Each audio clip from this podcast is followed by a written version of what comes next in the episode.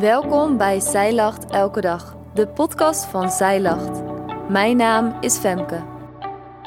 Dit is de overdenking van 7 januari, geschreven door oudschrijfster Jacomien van Urk. Waarom zou je bidden voor de vrede van Jeruzalem? Omdat de Bijbel je hiertoe oproept.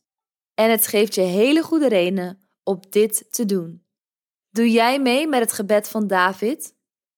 Het is een pelgrimslied Psalm 122, een lied dat David heeft geschreven.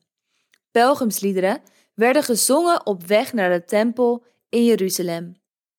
Misschien weet je het wel, Jeruzalem ligt op bergen.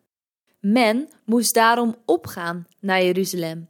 In Psalm 122 bezingt David de blijdschap die er ligt in het opgaan naar Gods huis. Hij verheugt zich erin om de naam van de Heere te loven. Herken je dit ook bij jezelf? Ben jij ook blij als je in het huis van God in Zijn aanwezigheid mag komen? De aanwezigheid van God geeft vreugde. David zingt in vers 6 en 7: Bid daarom voor de vrede voor Jeruzalem. Laat het goed gaan met hen die u liefhebben. Laat vrede binnen uw vestingwal zijn en rust in uw burchten. God heeft zelf Jeruzalem uitgekozen als zijn stad. In het hart van de wereld wilt hij zijn troon vestigen.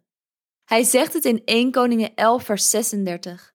Zodat mijn dienaar David alle dagen een lamp voor mijn aangezicht zal hebben in Jeruzalem.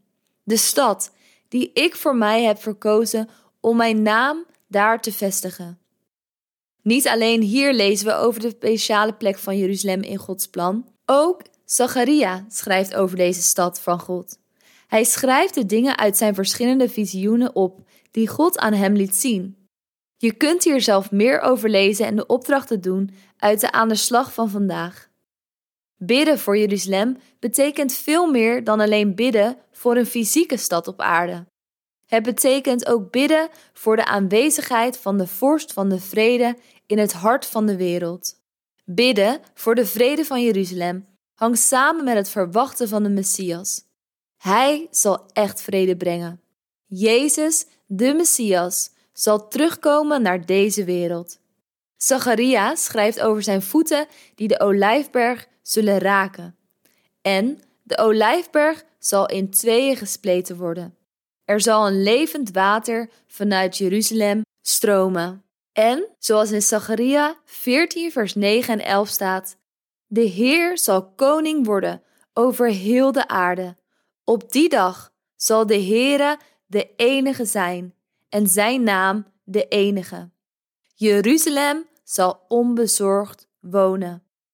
Door te bidden voor Jeruzalem uiten we ons verlangen naar de tijd dat Jezus zijn troon vestigt hier op aarde en alle volken naar Hem zullen komen om Hem te aanbidden. Op 14 februari start de 40 dagen tijd. In dit leesplan, Feest van Bevrijding, volg je de Israëlieten in hun reis door de woestijn van slavernij naar vrijheid. En je ontdekt samen met de eerste volgelingen van Jezus over het leven in Gods koninkrijk. Wil jij meer toeleven naar Pasen? Bestel dan dit 40 dagen tijd leesplan via onze webshop. Dankjewel dat jij hebt geluisterd naar de overdenking van vandaag. Wil je de overdenking nalezen? Check dan onze website je vindt er ook meer toffe dingen die jou helpen om de Bijbel vaker te openen, zoals boeken, Bijbels, cursussen en evenementen. Morgen ben ik weer bij je terug met een nieuwe overdenking. Tot dan!